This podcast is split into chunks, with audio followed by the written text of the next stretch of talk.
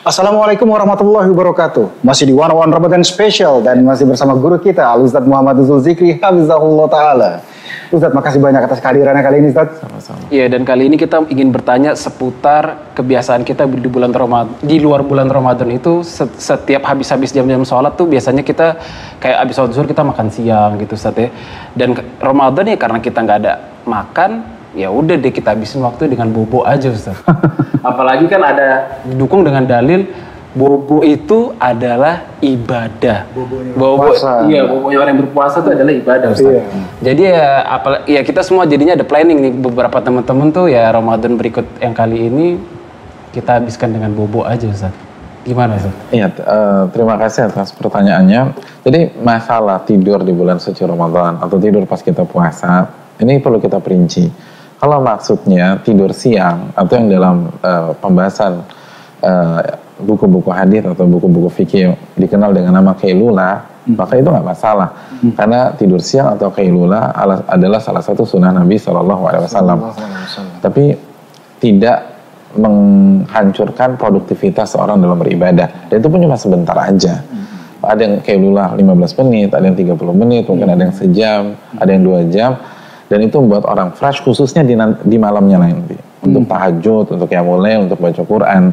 Salah satu saran para ulama kalau anda mau fit di waktu malam, anda kailulah di waktu siang. Hmm. Tapi ada pun orang yang memang sudah punya agenda untuk memperbanyak tidur hmm. karena ingin memperbanyak ibadah. Hmm karena terinspirasi bahwa tidurnya orang yang berpuasa itu ibadah, mm -hmm. maka yang perlu kita dudukan adalah bahwa uh, pola ini itu bersumber dari sebuah hadis naumus saim ibadah. Hmm. Tidurnya orang yang berpuasa itu ibadah. Hmm. Dan hadis ini terdapat dalam beberapa referensi seperti Mustad Ibnu Abi Aufa. Namun yang perlu kita camkan, hadis ini nggak valid, Zak. Jadi oh. hadis ini nggak valid, Mas. Okay.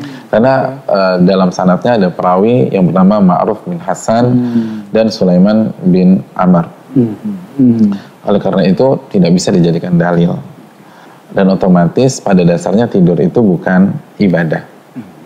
Kecuali jika kita tidur dalam rangka sebagai uh, sarana biar fresh itu mungkin capek karena malamnya apalagi 10 malam terakhir kan pada hmm. begadang pada acara Lailatul Qadar hmm. nah itu oke okay lah misalnya tidur uh, agak sedikit lebih banyak tidur di waktu duha atau hmm. di waktu siangnya tapi pada dasarnya itu bukan ibadah oleh karena itu barang siapa yang ingin cari dan ingin nambah argo pahalanya, dia bisa uh, mengarahkan ke ibadah-ibadah lain yang lebih valid. Jadi nggak usah sedih nih gitu loh. Hmm. Uh, jadi uh, dia nggak usah sedih ketika, aduh gimana dong nanti kesempatan ibadahku hilang nih ternyata hadisnya nggak valid. Hmm. Oh enggak, ibadah lain banyak. Hmm. Contohnya baca Quran, hmm. terus contohnya zikir, terus banyak doa hmm. pada saat anda puasa itu diijabah oleh Allah Subhanahu Wa Taala. Hmm dan kita tahu bersama para ulama kita menghatamkan Al-Quran berkali-kali di bulan suci Ramadan. Nah kalau misalnya kerjanya tidur ya nggak mungkin lah. Jadi pasang uh, semangat yang begitu tinggi untuk beribadah kepada Allah. Dan kita tahu bersama bahwa para sahabat di Ramadan itu mempertahankan agama Allah Subhanahu wa taala di perang Badar. Uh, jadi jika 15 abad yang lalu mereka mempertahankan agama Allah di Ramadan di perang Badar, ya kira-kira kan nggak tepat lah kalau kita mempertahankan yeah. agama Allah di atas kasur kan nggak tepat.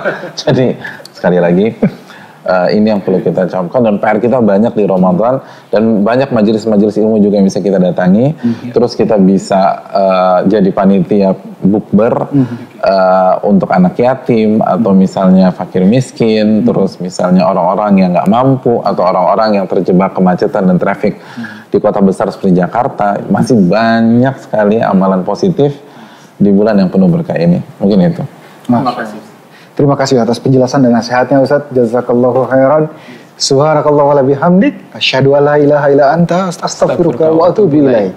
Assalamualaikum warahmatullahi wabarakatuh. Didukung oleh